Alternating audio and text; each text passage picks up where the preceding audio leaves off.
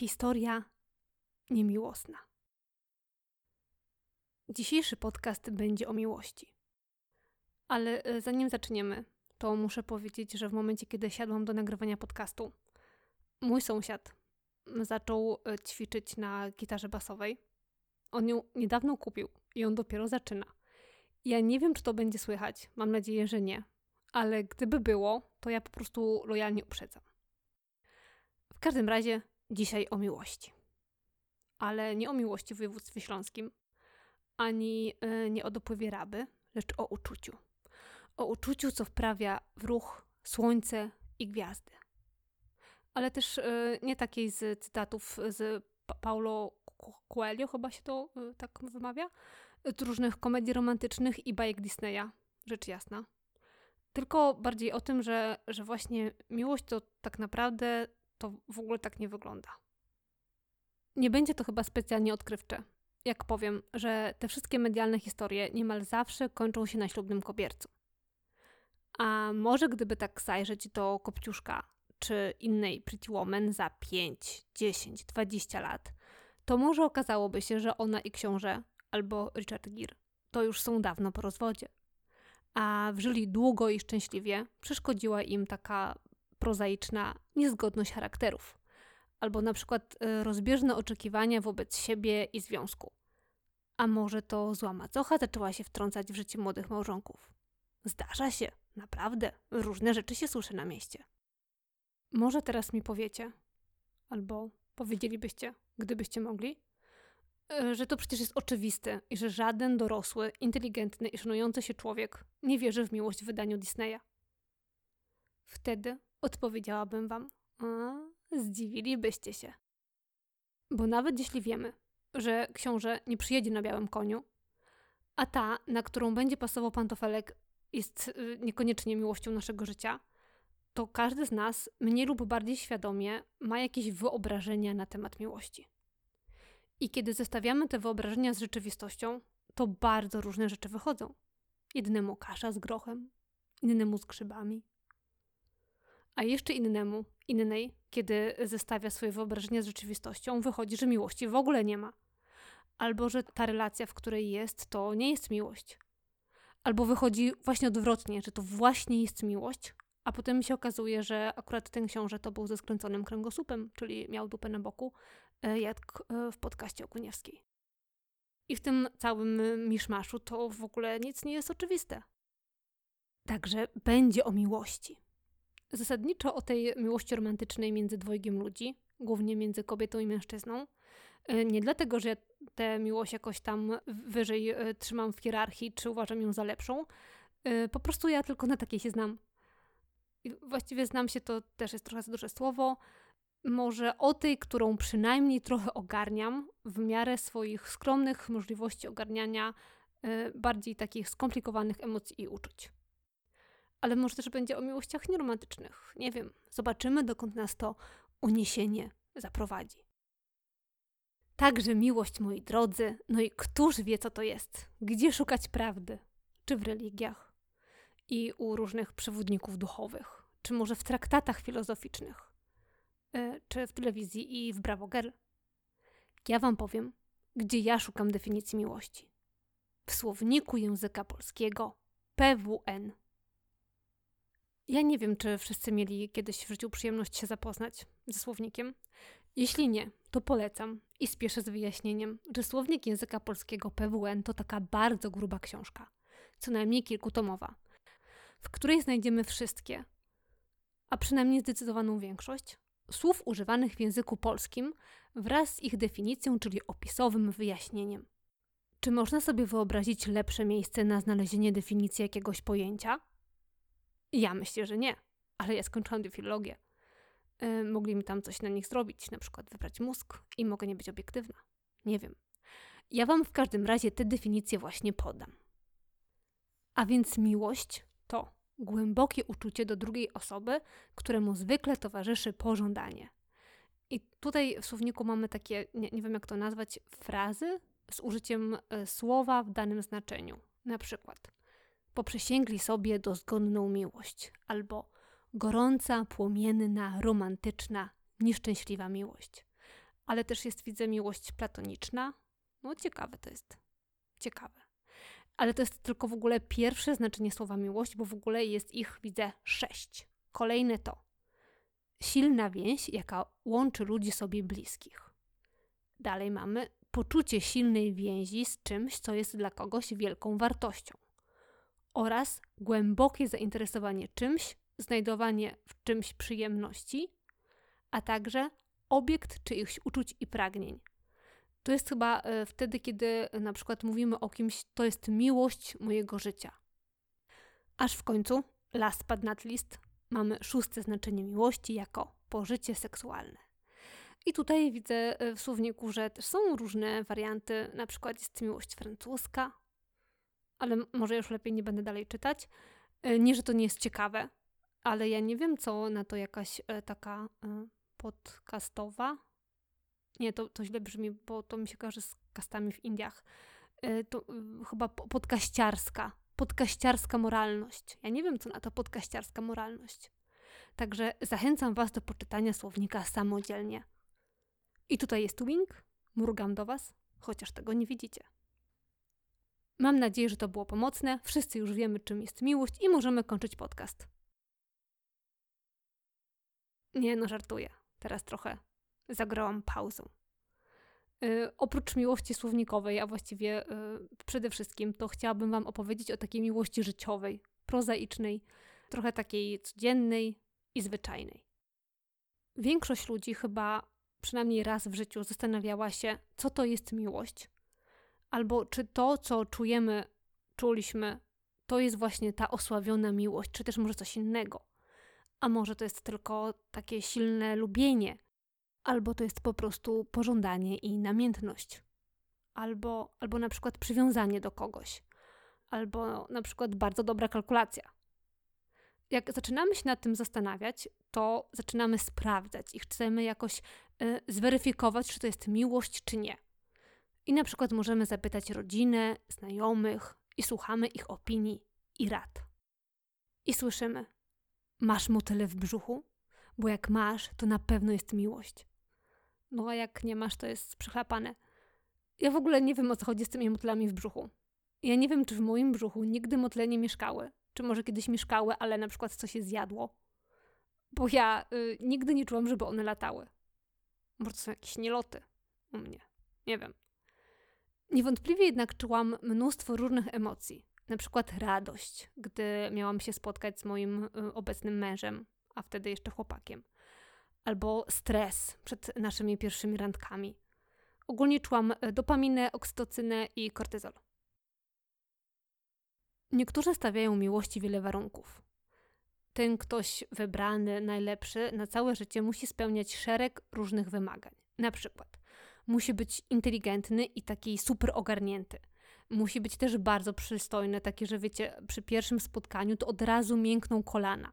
I musimy się świetnie ze sobą bawić i w ogóle dogadywać od pierwszej chwili.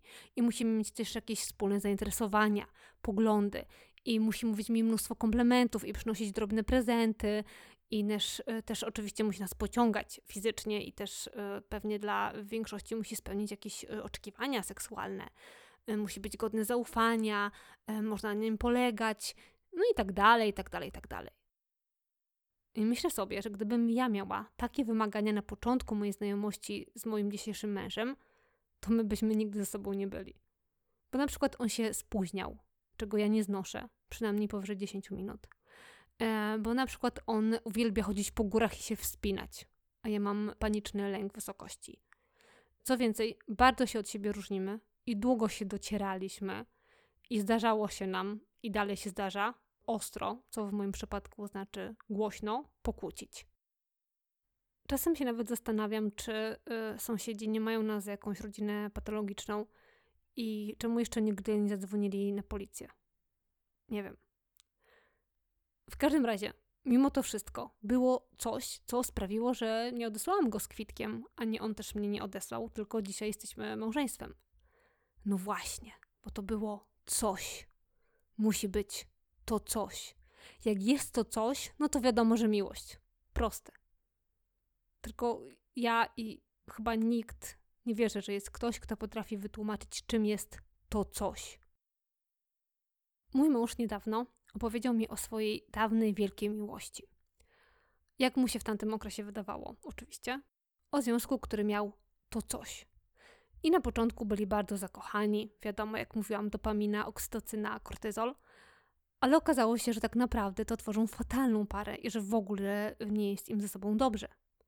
Mimo to podtrzymywali, albo y, raczej próbowali podtrzymywać związek na siłę, bo wydawało im się, że skoro byli tacy super zakochani i skoro myśleli, że to właśnie jest to coś, to coś z literatury i kina, że mieli coś wyjątkowego, co nie każdemu się przecież w życiu przydarza, to oni nie mogą tego stracić. I nie skupiali się na tym, że tak naprawdę jest im źle, że się męczą ze sobą, tylko skupiali się na tym jakimś mitycznym czymś, na jakiejś mrzonce, nie próbując w ogóle krytycznie do tego związku podejść i, i zrozumieć, co tu jest nie tak. I oczywiście ten związek się skończył nieszczęśliwym i bardzo bolesnym rozstaniem, poprzedzonym w ogóle jakimś trudnym, nieznośnym i, i niepotrzebnym współistnieniem. Zresztą to nie jest jedyna taka y, podobna historia, jaką znam. Sama byłam ofiarą mitycznego tego czegoś. I też y, źle się to dla mnie skończyło.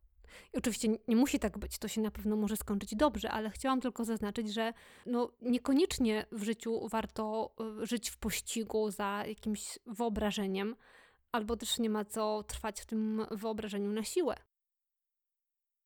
A w ogóle to ja sobie myślę, że jeżeli jest to coś, jeżeli to coś w ogóle istnieje, to dla każdego to jest coś innego. I że nie ma jakiejś jednej miłości. A miłości jest tyle, ile ludzi, albo przynajmniej tyle, ile związków na świecie. Ha! Przewrotnie. Wiele razy zastanawiałam się, czy to, co łączy mnie z moim mężem, to jest to. Czy to, co mnie łączy z osobą, z którą jestem obecnie w związku, to jest właśnie miłość? Czy może nie? Może mnie się to tylko wydaje. Y, byliśmy przed ślubem i e, też podejmowałam decyzję na całe życie, bo podchodzę do tego bardzo poważnie. I chciałam być pewna, że ja się nie mylę. I skąd, skąd ja to wiedziałam? To teraz przyznam się bardzo szczerze, nie wiedziałam. Wcale nie wiedziałam, czy to jest właśnie e, ta jedna, jedyna osoba, czy to jest właśnie ta miłość przez duże M, czy mi się to tylko wydaje. Tutaj chyba zahaczę o jakieś kwestie głęboko filozoficzne i zapytam, na ile w ogóle jesteśmy w stanie obiektywnie ocenić rzeczywistość? Ja myślę, że do końca nie jesteśmy. Skąd wiemy, czy ten e, stół, który tutaj widzimy, to on istnieje naprawdę? A co jeśli ktoś inny nazwałby ten stół ławą i twierdził, że ma inny kolor niż ten kolor, który, który my widzimy? I na ile w przypadku stołu to jest dosyć łatwe przyjąć, że on jednak istnieje i że wygląda w dość określony sposób. Poza tym możemy się zawsze w niego walnąć niechcący i wtedy obecność stołu się tak zmaterializuje w postaci ogromnego siniaka na udzie. Wiem, co mówię. O tyle w przypadku miłości takie możliwości weryfikacyjne są, powiem sobie, średnie i kategorie wybitnie niejasne. I ja nie przeżyłam chwili magicznego objawienia i nie spadł na mnie z nieba złoty pył mówiący tak, to właśnie jest miłość. Ale gdy moja przyjaciółka Ola, jedna z moich druchen, nie pamiętam czy to było w dzień ślubu, czy to było wieczorem, dzień przed, zapytała: Ej, ale jesteś pewna? Bo jak coś to wiesz, ja zorganizuję jakieś auto i możemy jeszcze uciec. E, za co w ogóle jestem jej bardzo wdzięczna i, i wspominam to z rozrzewnieniem, to ja jej odpowiedziałam: Jestem pewna. Na szczęście żadna z nas nie uściśliła pytania i nie do końca było wiadomo, czego ta pewność ma dotyczyć. Ale ja, mimo tego całego zamętu yy, z miłością i tego braku złotego pyłu z nieba, jednak czegoś byłam pewna. Byłam pewna, że chcę wziąć z nim ślub, żebyśmy byli rodziną, że chcę się przy nim budzić i zasypiać. I mnie to wystarczyło. Jedna ze znanych mi kiedyś osób powiedziała, że miłość to jest decyzja. To był mój były chłopak, który pewnie nigdy tego nie usłyszy, ale gdyby jakimś cudem tak się stało, to y, na pewno poczuje nieść myśliwej satysfakcji i rozbawienie. Ale nieważne. E, ja oczywiście byłam wtedy totalnie oburzona takim podejściem, bo miałam 20 lat, byłam po uszy zakochana, a w dodatku on właśnie podjął taką decyzję, że to nie jest miłość. No raczej, że mi się to nie podobało. Nie mogło mi się to podobać wtedy. I chyba dopiero jak byłam na takim bardziej zaawansowanym etapie, powiedziałabym, związku z moim mężem, a wtedy chłopakiem, to zaczęłam gdzieś w głębi duszy się z tym zgadzać. Ja wybieram, że ja chcę z nim być. Wybieram to, co chcę dla niego poświęcić. E, wybieram, że jestem z nim mimo tego bałaganu, który zawsze robi w kuchni i który z wielkim trudem znoszę. I on codziennie podejmuje decyzję, żeby ze mną być. Nawet mimo to, że czasem puszczam bąki. Co odkrył pewnego dnia ze zgrozą. I wierzę, że będzie ze mną zawsze, że nigdy mnie nie zostawi, nie zdradzi. I o ile wiem, to dotąd też mnie nie zdradził, ale w sumie to nigdy nie pytałam. I wierzę, że mimo różnych rzeczy, które w naszym życiu między nami się wydarzyły i jeszcze się na pewno wydarzą, to on zawsze będzie wybierał, że chce być ze mną. Nawet jeśli, bo uważam, że, że tak może się zdarzyć, kogoś innego w swoim życiu spotka i się kimś innym zainteresuje. Bo jak mówiłam, różne rzeczy się słyszy na mieście i różne są artykuły na wysokich obcasach, które namiętnie czytam. Bo też to nie jest tak, że jak już z kimś jesteśmy, to robimy się ślepi, głusi i w ogóle upośledzają nam się wszystkie zmysły na innych ludzi, oprócz tego wybranka albo wybranki. Jak ktoś mi mówi, ja nigdy nawet nie spojrzałem na inną kobietę niż moja żona, to sorry, ale albo kłamie, albo samego siebie chce oszukać. Ja chyba dzisiaj jestem jakaś taka bardzo kontrowersyjna w ogóle. Ale naprawdę, naprawdę to tak nie działa. I mimo y, szczęśliwego i uważam udanego małżeństwa, ja na przykład nadal lubię oglądać filmy tylko dlatego, że gra w nich Brad Pitt. A z podobnego powodu moja o 8 lat starsza siostra y, została fanką ekranizacji Marvela. I czasem, kiedy widzę przystojnego faceta w tramwaju, myślę, kurde, ale przystojny facet. Mój mąż z kolei może myśleć o swojej koleżance z pracy, wow, ale fajna dziewczyna, w ogóle taka ładna i miła i ogólnie no bardzo atrakcyjna. Żaden syndrom upośledzenia zmysłów po ślubie lub w stałym związku nie występuje. To ja albo mój mąż znowu kolejny raz decydujemy, gdzie stawiamy granice i czy dana znajomość jest na przykład warta jakiegoś zaangażowania i jak ona może wyglądać i czy może zaszkodzić temu, co jest między nami. I przysięgliśmy kiedyś zawsze wybierać siebie nawzajem to y, jak w piosence y, George'a Harrisona. I've got my mind set on you. I jeszcze o czymś chciałam powiedzieć, ale mi się chwilowo zapomniało. Na szczęście jestem przygotowana, bo ja lubię być zawsze przygotowana. I już wiem, że chciałam jeszcze powiedzieć o okazywaniu miłości. Tak. Niedawno moja koleżanka Patrycja y, opowiedziała mi o czymś, co się nazywa językami miłości. W ogóle przy okazji chciałam powiedzieć, jakie to jest dla mnie niesamowite, jak dużo się możemy od innych ludzi dowiedzieć, uczyć i że y, oni mogą stanowić dla nas taką fantastyczną inspirację. To tak na marginesie. Y, ale wracając do tych języków miłości, to trochę dla mnie ta nazwa trąci jakąś taką pseudonauką i, i trochę mnie mierzi, ale idea, powiem szczerze, jest dla mnie super. W skrócie chodzi o to, że my, my w sensie ludzie, mamy różne sposoby komunikowania i odbierania naszych uczuć oraz o to, że ta sama rzecz dla różnych osób może znaczyć coś innego. Koncepcja pięciu języków miłości to koncepcja Garego Chapmana. Myślę, że tak się to nazwisko wymawia. Gdyby ktoś chciał się zapoznać, to można sobie wygooglować. W każdym razie on wyróżnił pięć tych języków. Wyrażenia afirmatywne, czyli jakieś miłe słowa i komplementy, na przykład, że jesteśmy fajni, ładni i że nikt tak świetnie nie składa skarpetek po praniu jak my. Drugi język miłości to jest dobry czas, czyli z tego co ja zrozumiałam, to jest czas wspólnie spędzany, ale na jakichś takich e, aktywnościach, a nie po prostu siedzenie obok siebie w tym samym pokoju.